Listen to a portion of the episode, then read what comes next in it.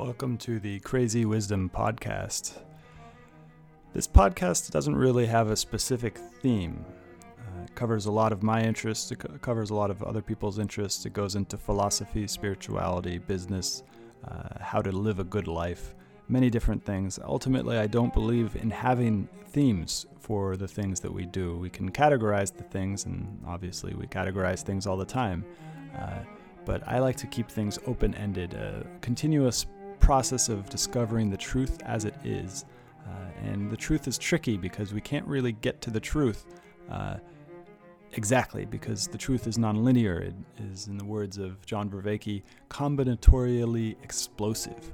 Uh, even the truth of this window that I'm looking at, the window itself, the glass that makes up the window is combinatorially explosive.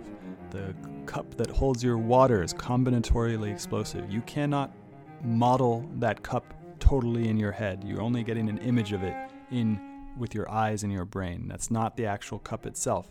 Uh, so this this show is a discovery of truth wherever it may appear by talking to people from various different fields. I've talked to artists, engineers, entrepreneurs, investors, uh, refugees. I've, I've just talking to anybody who has a glimpse into the truth. Uh, and through this conversation, through this mutual inquiry into what is true, what is real, hopefully we get to something that is helpful for to you.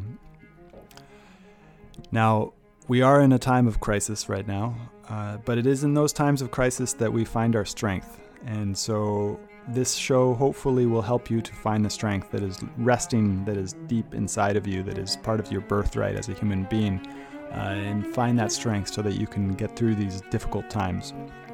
Also, I want to let you know that I'm offering breathwork sessions uh, every day. I've got seven sessions a day, uh, and really excited to bring this to people. People have been really enjoying it, and it has brought strength to people and courage. And, and that's my that's my goal is to help you find the courage to uh, not only survive but to thrive in the next couple years, maybe because this virus is not going away. Um, it, it, usually viruses come in waves. Uh, so this is the first wave. It will go away and then it might come back. I'm not saying that I know for sure it will come back, but we are in this for the long haul. So this is a uh, marathon, not a sprint. Uh, and I want to do everything I can to help you not only survive, but to thrive. Uh, so if you are interested in that, please find me on Twitter at Stewart Alsop III. My DMs are open. I'd love to hear about what you think about this show. Uh, also, it'd be very, very kind of you to both subscribe to the show on Spotify, Stitcher, uh, iTunes, many of the major pot plat- platforms. And if you're really feeling generous, go ahead and give a review on iTunes. So join me for the breath work. Just send me a message on Twitter at Stewart Alsop III with your email, and I'll add you to the email list where I'm sending out emails for the schedule. Uh, hopefully, see you there. Have a great day. Welcome to the Crazy Wisdom Podcast. My guest is Steve Kirsch. He is a former high tech executive, and he is either one of the most prominent misinformation spreaders or a truth spreader. Uh, and I will let the audience figure that out, and I'll try to figure it out myself. And Steve can try to do the same thing for me. And uh, so, welcome to the show, Steve. Thanks, Stewart. It's good good to be here. Yeah. Uh, so let's. Where should we go with this? There's so so much I want to talk to you about. Um, well, first, why why did most technologists get it wrong? For COVID. hey, uh, you know, I got it wrong too. I I was uh, I believe the government. I was doubly vaxxed, um, and my family was doubly vaxxed too. I was basically, hey, they said get vaxxed. I said, okay, you know, whatever you say. They said it's safe and effective. I said, okay, hey, I trust you. And so, uh, about a month later, I started hearing these horror stories from my friends, and um, and that's what really drove me over. Now, most people would ignore that, but I'm I'm a, a, little strange. I actually, you know, sort of look at data and figure out, well, who's telling the truth? You know, is it? I I, don't make assumptions, and so that's what makes me different than most people. Because most people would say, well, you, you know, you're wrong. But uh, this is just a bad coincidence. So I just took it as data. I said, you know, so one one person said, hey, got three relatives perfectly healthy before the vax. They all, all died within a week after getting the vax, perfectly healthy before. Okay, so I said, hmm, hmm, well, that's an interesting anecdote. You know, that's they, if it was the vaccine, that's impossible. So that must be bad luck. That must be bad luck. You know, that must be like one of these black swan events. And so I, uh, you know, I just I filed that in the okay, bad anecdote. Then a week later, my carpet cleaner comes in and he's wearing a mask, and I'm giving him a hard time about the, the mask. I said, Hey, haven't you been vaccinated? You don't have to wear a mask. And, and you know, it's not like totally buying all this stuff that the CDC is saying. And so the carpet cleaner says, Well, I had a heart attack two minutes after getting the vaccine. And I've been in like serious pain, like on a scale of one to 10, it's been uh, 10 since that time. And I said, wait a second here. I just heard from another friend this story, and now you're telling me this story. And and I also found out his wife was vaccine injured too, and she didn't have. She was she took the vaccine a different place. It was a different vaccine manufacturer in a different time, and she was vaccine injured in the arm that they injected. So um, it turns out that today, Tim Damroth is his name. He's 39 years old. He is still in pain.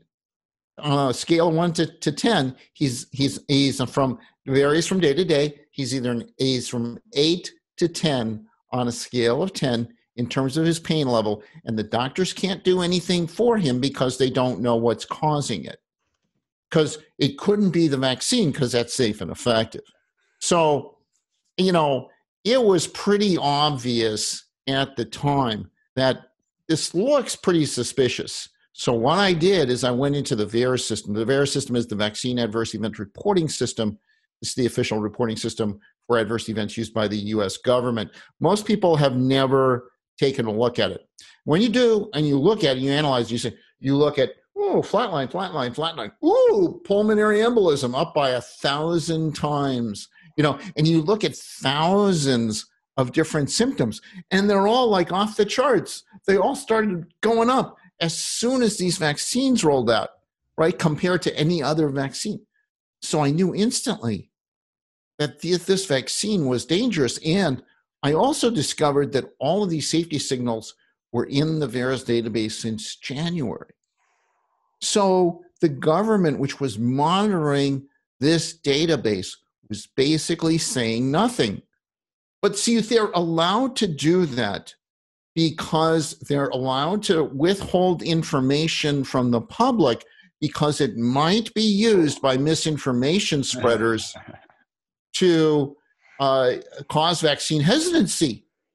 So they're allowed to suppress any of this safety information that would lead people to be vaccine hesitant, which is why I got the vaccine because I wasn't told this because that would just create vaccine hesitancy if I knew that it, you know it killed uh, you know 400 people 411 people per million doses had I known that I probably would have not opted for the vaccine had I known that it had a 5% uh, rate of uh, neurological and other uh, serious symptoms uh, you know that's 10 million people uh, so far uh, had I known that, I wouldn't have taken it.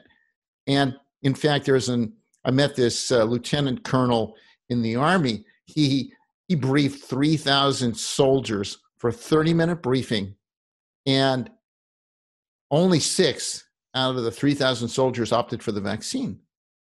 And I said, and then what happened is he was relieved of his duties. And so I asked him, why were you relieved of his, your duties? you didn't say anything wrong, did you? So no, no, they didn't have any objections. Didn't have enough people taking the vaccine after I gave them an informed consent briefing on it. So they relieved me of my duties and replaced me with someone else. I mean, look, there's no doubt anybody with their eyes wide open looks at this data and there is no way that you can conclude that this vaccine is safe and effective. And it's just like the the masking data. You know, you have these people going around. You see these people in their cars. You know, they're driving their cars, yeah. and the windows are rolled up. They're alone in their car, and they have a mask on. I'm like going like, what the? I don't know what I can, what words I can say here, but uh, you can um, you, you can say anything. Um, I can say anything. yeah. yeah. I'm going like, what the fuck? I yeah, mean, yeah. these people, like, man. I mean, and this is their fault too. It's not, you know, it's like the, it's the, it's mind control. Yeah, it's, it's, it's ignorance and the the the the inability because the CDC has been publishing all this data on the the uh, average rate of death uh, for COVID state by state. You generally about 80 to 82 to 84 years old. A friend of mine in Spain who said it was 86 years old in Spain. Average age of death in United States is 78, 79. So it's above the average age of death for all causes. Uh, and so that information has been out there, and, and nobody has the ability to inquire particular i mean and which makes sense given as you said you got it wrong i got it wrong in the beginning. I was living in my van for two months.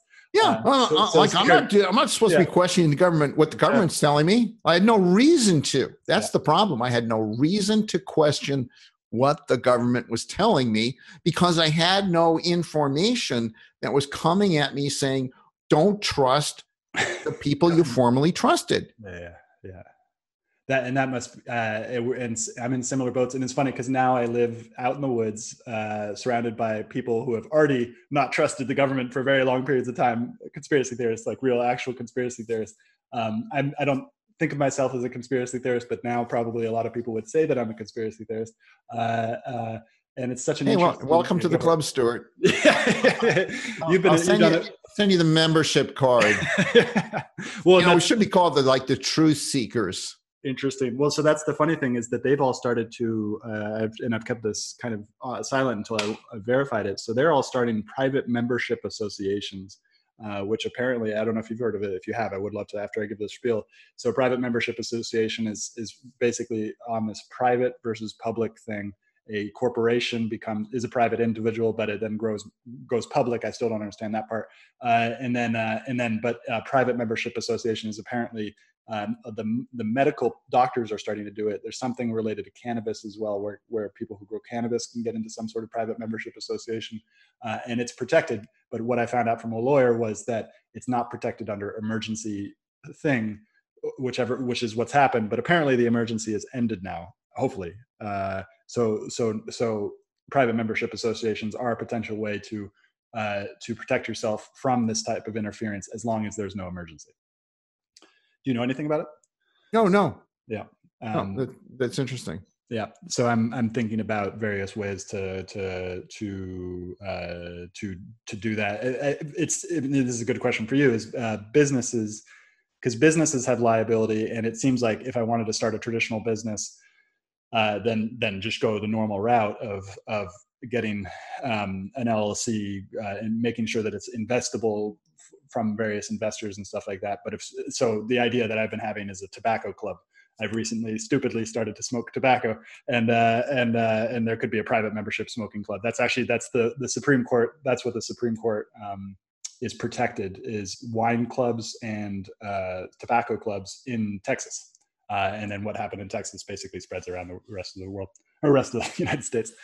Um, Okay, so there's two things I wanted to talk about, uh, and I'll let you choose which one we go into. There's the data collection, which is uh, most people, particularly the, of the scientism variety, um, completely ignore the fact that data collection is not a standardized process. It's standardized in some countries, but like over the world, like you know, Nigeria does not have an excellent capacity for collecting data. Um, although I don't know that. If somebody's Nigerian, let me know. Uh, and then the re- then the other subject is the reason why immunity why why did why did um, pharmaceutical companies start to get immunity from adverse reactions from normal individuals suing those companies for adverse reactions? Yeah okay so we'll, we'll, we'll take immunity. One well the problem was at the time, um, and this was in the uh, 1980s, uh, late 80s. Um, there were four manufa- four vaccine manufacturers and they basically said, "Man, we're losing our shirts in court, so we're going to stop making vaccines unless you give us immunity." So they gave them immunity so that they can have vaccines, and the quid pro quo was the creation of the VAERS system for at vaccine reporting, and so that was the you know we're going to give you this, but you know we'll also keep tabs on you through this vaccine adverse event reporting system. And of course, it was structured such that nobody knew uh, what the denominator uh, mm-hmm. is on these reports. They just knew what that? the numerator. People say that all the time about what the denominator is, but I, I'm not a math guy, so I don't know what that means. Yeah. So what that means is that we don't know the rate of reports. So in other words, when you see four reports, that's the numerator, right? There are four reports out of oh. 20, yeah, yeah, yeah. We 20 cases. Yeah, I got it. Uh, you know, like how many people are actually going to report? And so the problem is if you get four reports, you don't know whether that represents really four reports out of a million doses or four reports out of you know and so so if you gave a million doses for example and only 1% of the people reported, and you'd see four reports. You don't know what the, the real um, denominator is because it's not going to be the total number of cases because not everybody reports. And so the point is that these, the system was set up so that it looks, it would always look like the drug had a benefit because the numbers would be so low because they made the system really hard to put reports in and they didn't tell they they you know require people to make reports but it doesn't happen. It's because they don't enforce it.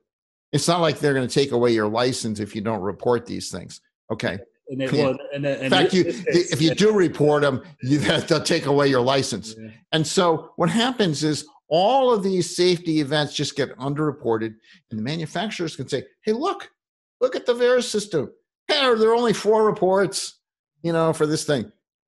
And they never say, "Well, it really represents four thousand, and that's really like, you know, like uh, stopping an So in other words, oh, hey, there were just four deaths. See, but you see, you see the underreporting factor could be a thousand, and there can be four thousand deaths. In which case, holy moly, that is that and, is a super dangerous vaccine and it feels like there was a like so vaccines in general we can we can take it all the way back to the small t- smallpox the the uh, the polio vaccines i don't know that much about the polio vaccine but the smallpox vaccine was pretty interesting because the smallpox vaccine i remember reading a book about catherine the great and catherine the great was so scared of getting smallpox that she actually did social distancing. I've been against social distancing from the beginning like well after that first two months where i where i got it wrong. Uh, and so then but then the, she she she actually it, there is there is a uh, um, a precedent for people being so afraid of the death so afraid of death and disease that they separate themselves from everybody else. So like that's real. Uh, but then she that was re- when the original inoculation started to come out uh, w- was during that that period uh, and she actually got i believe she actually got one of the early inoculations and that was like in the 1800s i think and then, you know, smallpox vaccine was a really, really effective vaccine. I think that like saved like lots of people. Uh, and then I don't know that much about the polio vaccine. And then all these other vaccines, it seems like the flu vaccine was the first vaccine where it wasn't a vaccine because under the traditional understanding of a vaccine, under my understanding of vaccine, vaccine inoculates against the pathogen that it's stopping. So it stops transmission. None of the flu vaccines have been able to stop the flu. Same thing with the coronavirus. We had never actually had a coronavirus vaccine people have tried. I imagine. I don't know if they've tried before, but but they've they've tried many times to to have a. I believe they've tried many times that they've had a coronavirus vaccine, and the idea that it would just work uh, is is is is insane. Uh, and then not only would it work, that it would that it would be safe and effective, particularly using a new technology. Did you actually take the the mRNA, or did you take a different one? No, I took uh, two shots of Moderna.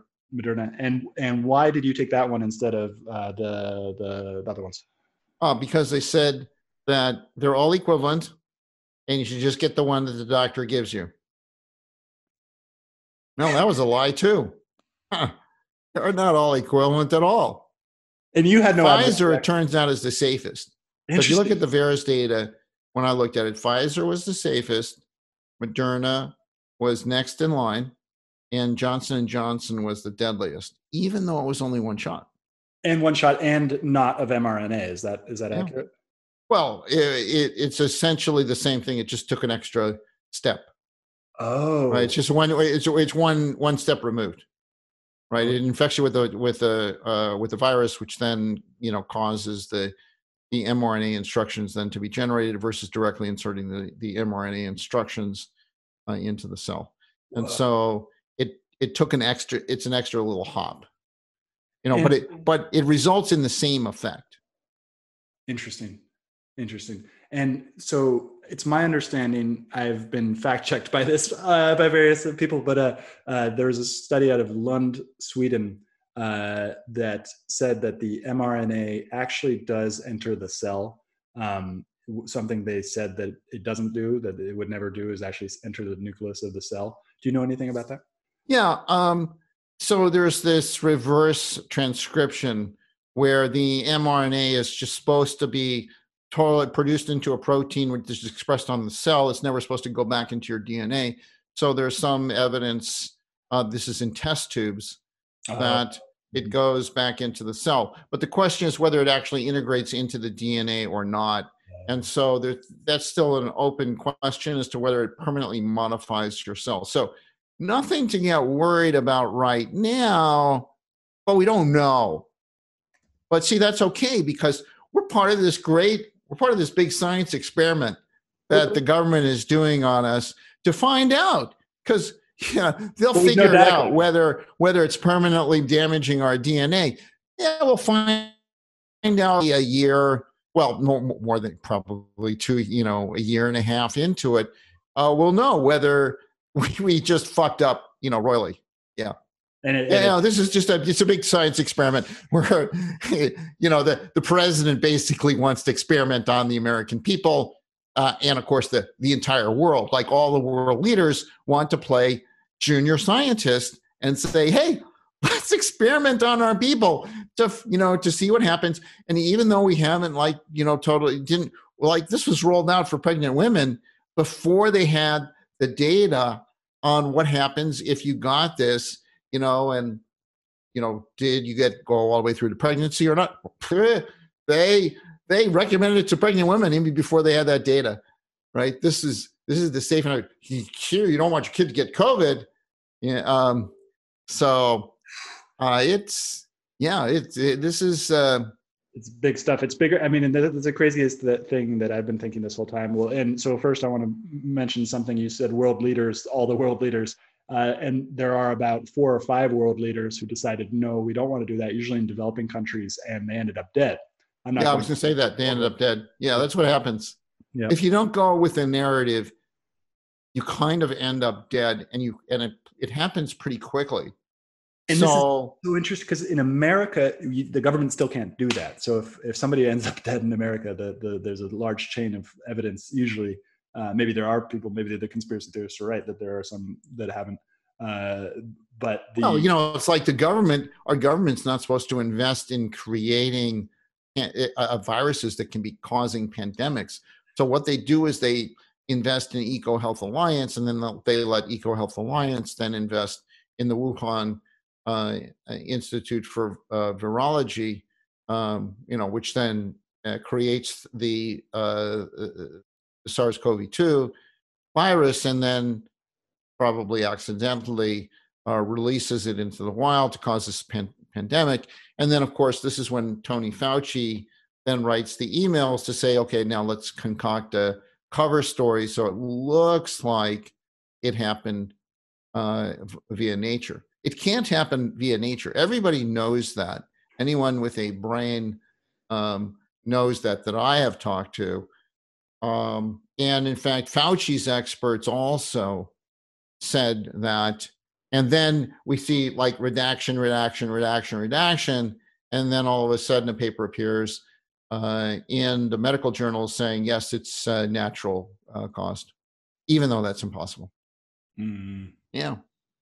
So let's go into data collection. What are the main uh, problems that we have, have in this current data collection and the key thing I'm interested in is what are the countries that you find the most trustworthy data and why are those systems better than it seems like the American system is good but not great. Um, yeah. Yeah. Uh, you know, any uh, I I haven't really studied that, so I can't. I'm not sure I'm the best person to opine on that. But you know, anytime you see a country where the data is embarrassing and the country needs to explain to people why they shouldn't pay attention to the data, okay, the data then is actually honest, and the explanation is dishonest. And so that's how you can tell because the what an honest, semi-honest, you know, the data is honest when the explanation is bullshit. So, for example, in the UK government data, you know, you look at the weekly reports, the week 12, week 13, you know, anywhere from like week five on, you started seeing the signal where the more you got vaccinated, the higher the infection rate, you know, per 100,000. It's normalized. Now they say, well, this is unnormalized, which means they didn't account for um, other differences in the age groups, but it's broken down by age. And the confounding is typically by age. So if you segment it by age, you pretty much have eliminated all the confounders or the, you know, the main confounders on this thing. And what you see is that oh, we triply vaccinated people, and oh, their rate of infection is three times that of unvaccinated people. Mm. Now it's supposed to be the reverse. So they have like bullet points of, well, don't don't panic, people. The reason is because the vaccinated people test three times as much. Are you kidding me? Are you? I'm vaccinated. You think I go around testing for COVID? Are you kidding? Well, a no. lot of them did though. That's the crazy. That's the craziest thing is the the the the. It's the other way around. Wait, what? It's the other way around. If you're unvaccinated, oh. you're forced by your employer oh. to crap out of you because you're this untrustworthy source. You're going to be tested much more than a vaccinated person. Vaccinated person, they get a pass. They don't have to do a test. So why would they test three times as often as an unvaccinated person? It makes no sense. And so when the British government says, "Oh, well, it could be because of this," yeah. you know, you know, it's a fucking cover up which is there's so like no way like like oh you like you don't have a brain working brain and you believe that i mean it's almost embarrassing that they put that shit in well and this is the interesting thing because it's it's like a pollyanna the pollyanna word is the come words that comes to mind the oxford the oxford study the prediction for so uh, the the the scientism answer for this which i got shoved in my face many times is that um, science is about prediction. Science is about prediction. If you can predict something based on experiment, uh, based on data, based on all these different things, mixed with hypotheses and all through the scientific method, which I'm not a scientist, so I don't know what I'm talking about. Yeah. But the, the, the whole thing about science is you predict things. And then the Oxford school predicted that we would have millions and millions of people dying from this. Like young, you know, there was a clear connection that the media made between 1918 one of the worst flus ever, and coronavirus. We now know from the data that the CDC publishes that is nowhere near the case. Like the, the average age of death for Spanish flu was something like 29, 30, at least in the 30s. Um, and so, like, it, yes, I, science is about prediction, but the Oxford is also a place where a lot of powerful people went to school, uh, and they're now all in policy. And policy is not science, those things are totally different. You can't say that policy is science. I, I, I'm pretty sure on that one. My, my grandfather and my, uh, my grandfather was, was all about uh, journalism for policy. So I've been studying policy since I was a little kid at the dinner table. Uh, yeah. Uh, that, that is not, it's not science. And then they, but they used it as science and then to tell a story that was wrong and propaganda. uh, and uh, and then and, and no one is questioning it, all the, including all these people. And this gets back to the same thing about like it, it's. I really appreciate Balaji Srinivasan. I can't pronounce his last name, um, and I appreciate him, and I have a lot of respect for him. But I, he also got it very wrong uh, in the beginning, and he promoted a lot of the fear uh, in in late December, early January. I had found out about the virus very very soon because of Twitter, um, and he was one of the mo- main proponents of this thing, saying, "Hey, this is going to be like a a really really bad virus." Um, and it was a bad virus. It's a it's a it's a virus that had a high infection rate. Yeah, um, but but the problem is that it had a high fatality rate, but not because of the virus. It's because of the way we treated it, right? We gave people remdesivir, we put them on ventilators, we basically killed people. You know, it wasn't a virus that killed people, it was more the hospitals and the treatments that we gave people that killed them. Yeah. Right. So, what was really pr- the problematic about this uh, whole pandemic was not the virus itself; was the was our response to the virus. the whole way through. Yeah, yeah. And this goes into a larger question about kind of like Western civilization and uh, uh, what's going on. And it seems like there's there's an interesting article I read about China that there's some guy in the CCP government who is had come to the West to study it and found out that we were all really fat, uh, that we stopped learning how to farm, we stopped learning all, all these different things. Um, and there's just like a sickness inside of the Western Western ability and it, it showed up for me in, in this in this uh, chronic pain that i've ex- been experiencing for the last seven years i had a medical error uh, where a dentist who didn't know what he was doing applied a medical appliance into my jaw that shifted the 3d printed appliance that shifted my jaw in ways that it shouldn't have been shifted um, and like it's just been a nightmare like like the guy who who who you're you're the guy came and cleaned your carpets like it's just been a total nightmare. Um, and there's this sickness that we're like attracted to sickness because we have so much um, and we don't know the root causes of things. We don't go for the root causes of things because it's too difficult because it's so complicated. Everything's so com- complex. What do you think about all that? Um yeah i mean i think it's it, it's hard. I mean look most people aren't uh, experts. I mean i think that's tragic what happened to you um in you know, like how could you have prevented that? You know sort of in hindsight you probably yeah. couldn't have done anything about it that's true and that's the it's the acceptance part and it's all part of it's all part of uh it's all part of like i'm, I'm grateful now for it uh uh but uh it, it was very difficult. The thing that I used to say was that I would have that if I'd done my research, if actually if I'd gotten a second opinion, I I, I probably uh, uh, I ended up getting a second opinion much later. Um, but uh, and that's that's what clued me into, and it saved it saved me from taking the vaccine because that if that if that had happened, I probably would have taken the taken the vaccine um, because I would have trusted doctors who I didn't. I stopped trusting uh, after that after that experience. But there are great doctors. There are really great doctors, and this is I want to figure out a way that we can. Well, uh, what's the what's the front care line FCLC the F FLCCC FLCCC frontline um I don't know. Critical Care Alliance. Critical Care. No, no, no, no, no. Say the front line. Eh, um, i have to go look up their acronym. Mm-hmm. I'll do it right now. Um, so those guys are doing some really interesting stuff. How do you deal personally with the uh, attacks that uh, you've been getting? Um, the attacks. So like, uh, like get you've you've been kicked off of Twitter you've you i'm sure that you've gotten the same thing that i've gotten where people just kind of like go, name call name calling uh, i ask them i ask them hey you want to do a, like a recorded video call and you can embarrass me in front of, of all of my fans and let's they never take me up on it mm-hmm.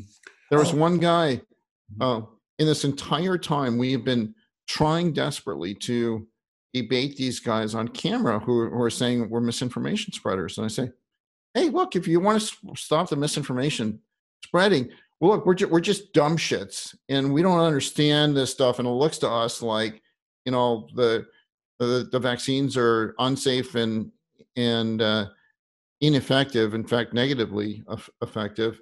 And it looks to us that masks don't work. So look, if we got, if we got it wrong, just explain to us how we got it wrong. It should be pretty easy. And we'll go on our way and we'll thank you for it and we can end the misinformation spreading and you're going to be a national hero. Nobody wants to do that. I mean, I I haven't offered a million bucks to the members of the FDA and CD and CDC outside committees. I said, "Hey, spend some time with me. Explain to me how we got it wrong, and I can stop being a misinformation spreader. You're going to go away a million dollars richer, and you are going to be the one who stopped vaccine misinformation on the planet. Yeah. like, what could be better than that? They don't want to do that. I, now, they don't want to do that for, there's one or two reasons they don't want to do that. Number one is they secretly like us spreading misinformation, which I don't think is true. Or number two is they don't want to be embarrassed when the world finds out they've been lying to people. It's really number two. But they make excuses. They say, well, you're not a member of the Infectious Disease Society of America, so you don't know what the fuck you're talking about. And so I'm not going to waste my time talking to you because you couldn't possibly understand how any of this stuff works. You don't understand statistics and p values and double blind studies. You don't understand any of this this shit. And I'm going like, well, really? Okay, yeah, uh, no problem. I, you know, I, I, I, we have other people on our team that do, and we'll have you meet with them, and they say, no, no, no, we don't want to meet with them. You know, we don't have it. But so there's, there's one guy, one guy, this Yale professor, Jason Abaluck. So I contacted him up and I said, hey, we think your study is shit. Do you want to defend it? And he says, sure, no problem. But my condition is that I only do that with one person at a time. I don't want to be like, you know, surrounded by, you know, um, all these people. I just want to do a one on one debate and I'll take many people, but just one person at a time. I said, okay, fine. You know, so I give him one of our guys to have a conversation with, and they talk for two hours and it's recorded and it's published on. Um, Who was the other guy? Uh, James Lyons Weiler. He's a um, journal editor. So Weiler plays dumb with him. He plays like, you know, Columbo. He plays like, uh, what was the name of your study again? And uh, what was that? Oh, it's a, like two mass or three mass. You know, so he's playing like totally dumb the whole time. And so this guy is like thinking like, you know, I got this guy. Like I'm gonna run circles around him. So he starts talking and you know blabbing, and he's contradicting himself during the whole thing. And then mm. James starts turning on the juice. He yeah. says, Well, but what about the this? And the guy says, uh, uh, uh, uh, and James says, well, what about this? And the guy's like, well, uh, eh, um, mm, uh, well, let's talk about something else. what, what, is, what is that episode? Uh, where can people find it? Um, I can. I'll send you the link after the um, show notes. James James Lyons Weiler's uh, Substack. Um, I'll I'll send you the link. Uh, but it's it's like this is if you look at his Substack and you look at all the comments, all the comments are negative. All the comments are saying, "Wow, this guy's a bozo." Da da da da. da. And I had Norman Fenton, who's a professor of mathematics at, um, or he's a professor of probability and whatever at uh, um, Queens. I think it's like Queens College in in the UK, and Fenton looks at the first hour of it. He says, "Man, this is like scientific fraud that that he he did this in his study, and that was just like one thing." And uh, the other people basically look at it and says, "Man, this guy's p-value is all is full of shit because it was cluster randomized, and you know, so there are all these um, reasons that it's basically it's like, look, Stewart, if if I were to flip a coin ten times and it's six times heads and four times tails. Do you think I can conclude that coins are more likely to end up on heads than tails? No. No! but this is exactly what he did in his mass study. He basically said, okay, let's look at the overall. The overall was good for mass, so mass work. But if you look at the subgroup analysis, which he never did, which he did. He says he did. Well, did I look at one subgroup? Did I look at 10 subgroups? Did I look at 100? Like, how did I divide it up? Right? Because it's always supposed to have an effect, right? It's supposed to work for females. It's supposed to work for males. It's supposed to work whether you have red mass. It's supposed to work whether you have purple mass.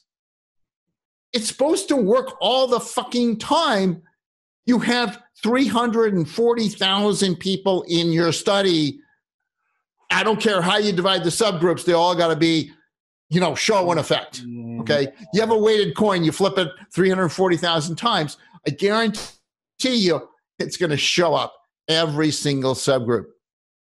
Interesting. Well, we know we know that one subgroup called purple cloth mass. We looked at it, we we we do the graph on his own data.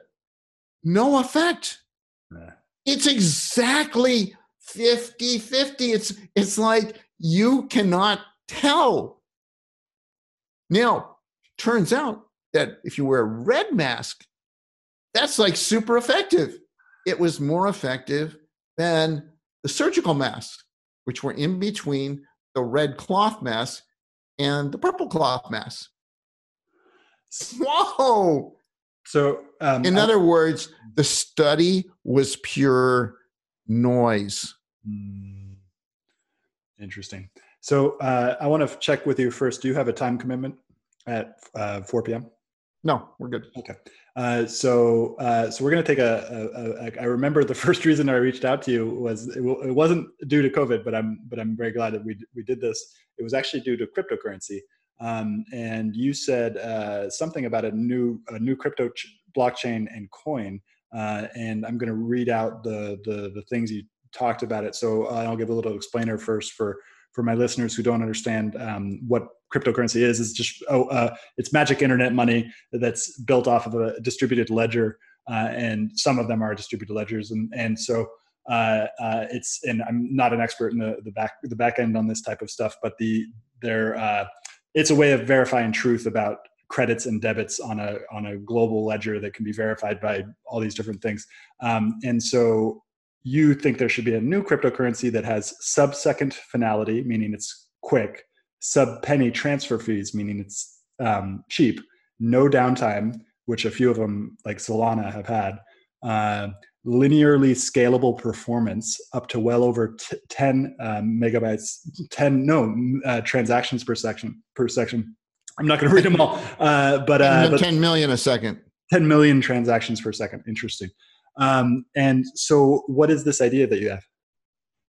Well, um, there are are tricks you can play uh, if you're smart and if you optimize and you say, okay, well let's uh, let's solve for a specific problem. And there's some interesting tricks to where you can get, and you, you don't think conventionally about this stuff, right? Mm. Because if you think conventionally, you're limited. But if you think unconventionally, if you think outside the box, there's a clever way, and I'm applying for a patent on it um, for how you can get to be linearly scalable. And what does linear, what does linear scalable mean? linearly scalable essentially means that if we add more processors, that the throughput then increases. So if you have 10 processors, you get 10 times the throughput. You have 20 processors, you get 20 times the throughput. And sorry, because most of these systems are single threaded because they have to be, because the transactions have to be strictly ordered. What is through? Oh, interesting. What what is what is throughput? So the throughput is the number of transactions you can get per second. Interesting. Okay, interesting. So it, due to the due to cryptocurrency, due to like Bitcoin, probably is the biggest example. Uh, Yeah, like T- you know, 10 versus, you know, so a million times uh, more transactions per second than, than Bitcoin. due to linear scalability, and this is something that is interesting. Um, and so yes, well, it's not due to the linear scalability is one of the features of it, but it's due to the actual architecture of the system that gives you linear scalability. It allows you to do these massive numbers, and you know, and that's with a very few machines uh, to be able to uh, to get the kind of performance. So interesting. And yeah, I mean, it's it's like I'm I, I was impressed with uh, Solana, and um, you know, I really uh, uh, like what they they've done, and but you know, it still like takes a six second or so uh, finality time when you make a transaction. Hmm, It kind of gets finalized about three to six seconds later, and so it doesn't have quite the you know if you're using for a retail payment you know you pay at a website and you, you click the button you hmm, wanted to go and say, hey, thank you very much for your payment. People hate to wait, yes, they do. right? So whether it's e- online or in a store, nobody likes to run their, their card and have it take six seconds uh, to run. it's been so interesting in the last few days. Hopefully, I don't uh, give myself away here, but uh, but there's the uh, the Bitcoin seems to slow down at certain times. So it's sometimes it's like it's really quick and the and the funds arrives really quickly, and then at other times it's like it takes like 30 minutes. And if you're transacting more than a thousand dollars, you're just like, holy shit! Like, did it work? Uh, and like and like most people, just as you said, most people aren't to use Bitcoin in that way uh, because it's just so slow. But it's also so tested over and over and over again. What do you think about yeah, it? Yeah, but it's so slow. yeah, it's so slow. It's so slow and limited. I mean, Ethereum is a is a better architecture. Ethereum has its has its problems. Uh, they're moving to uh, proof of stake, which will make the mining more efficient. Uh, the, but um, do you think they'll you know, actually be able to do it? Yeah, yeah, yeah, but it's it's sort of taken longer than than I thought it was. It's kind of like I'm everybody's still waiting for lightning. Like you know, I still say, oh yeah, yeah, yeah. You know these uh, well, you know, level two chains and lightning. It's all going to change things and uh, uh, and you know it's been like lightning was uh, announced. I think it was like 2016 or something. Mm. You know, maybe it was, maybe I'm wrong. It was 2018, but it was years and years ago. Yeah. Yeah. Interesting. And what do you think about Avalanche? Um, it's it's it's it's it's hard to understand for people. I mean, there are three different chains. There's uh, what the P chain, the X chain, and the uh, C chain, right? Um, and it's like yeah, and you have to move your your tokens from chain A to chain B, and you know, so they they they try to optimize for hey on the I guess it's the X change that X sorry X chain. Um, we can do things really really fast, um, and it's a fixed transaction fee versus on the C chain. Um, then you know that's where the we have the Ethereum compatibility and their gas fees and it's variable transaction rates and it's you know ten times higher fees. Mm. So, and then there's the the one in the middle. I forget was P chain or something, which is used for uh, uh, staking or or mm. rewards or what have you. I mean, it it's um, it seems unnecessarily complicated, and they did a horrible job for the end user wallet. It's always timing out. You know, if you I don't know if you've used Avalanche, but you know oh, yeah. that yeah. their their official Avalanche, and it's not supported by Ledger. Um, natively. You know, Ledger. So Ledger says you have to use the Avalanche thing, you know, with the Ledger, but with the the thing always timing out. I haven't tried um actually um should try it with uh, uh when you pair it with the Ledger, but I know if you if you just typed in that your your your recovery um phrase in, in it, you know, it basically like 10 minutes later you can't use it and you got to do it again. It's just and it's like this is just an opportunity for hackers to come in and wow, you're typing in your recovery phrase like every 10 minutes uh, into this thing. It's it's like, man, you got like any kind of keystroke logger, gone. Your money's okay. gone. Yeah, maybe maybe this would be good. And, and and you know, I don't want you to give away your your your your kind of your personal thing, but what? How can people think about security in terms of cryptocurrency? Well, um, I recommend they think long and hard about it in terms of uh, how they protect it, right? Because if you have a lot of money in crypto, you want to think um, pretty seriously about it. But but generally, the general principle is um, uh, uh, that that I like um, is instead of splitting your uh, recovery phrase. So your recovery phrase is typically 24 words. You know, Ledger forces you into 24 words. Um, 12 is actually more than sufficient for any you know current computers. 24 is oh, overkill. It's always a pain to set up a new Ledger device.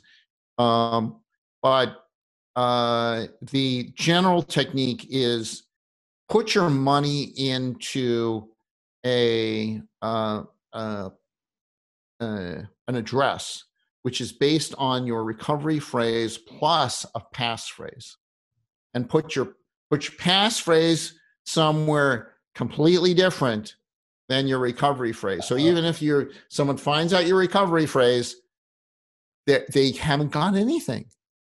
You know, in a passphrase is is like a password basically. A passphrase would be a long password. So mine, I okay. tested it. Yeah. Um, my particular passphrase is not, you know, um, the the quick brown fox jumped over the lazy dog's back or anything like that.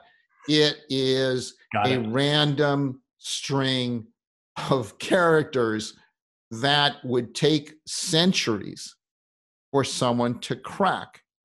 And because I used, uh, you know, I typed it in and I looked at the number of times, you know, I looked at the mm. um, how long it would take to crack. Mm. So I know w- what um, I have essentially um, uh, memorized that passphrase, and I keep my got it. Interesting. Yep. Yep. yep. Right, and I keep my so I've got a mnemonic that that that does it for me. Yep.